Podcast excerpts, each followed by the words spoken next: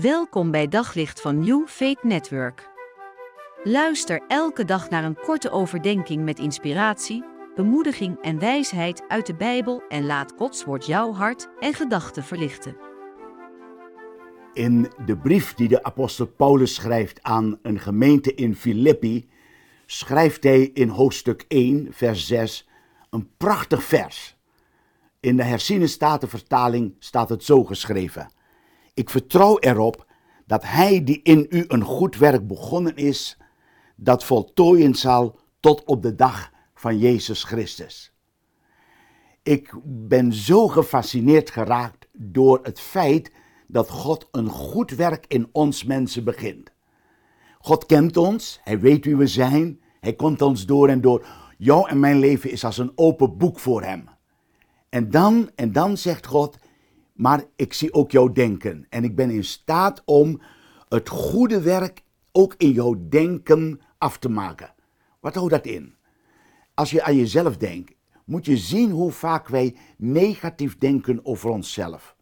Hoe vaak we negatief denken over andere mensen. Hoe vaak we worstelen met onzuivere, onreine en onjuiste verkeerde gedachten.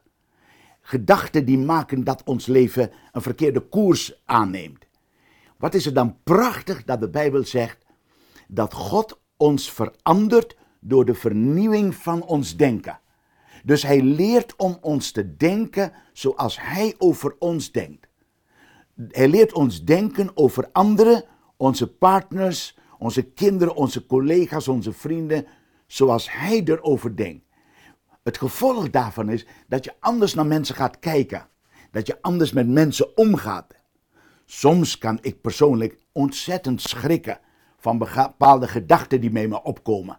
En dan vind ik het zo geweldig dat ik daar niet aan hoef toe te geven. Dan vind ik het zo geweldig dat ik geen slachtoffer daarvan hoef te zijn. Maar dat ik Gods hulp mag inroepen. Waarom?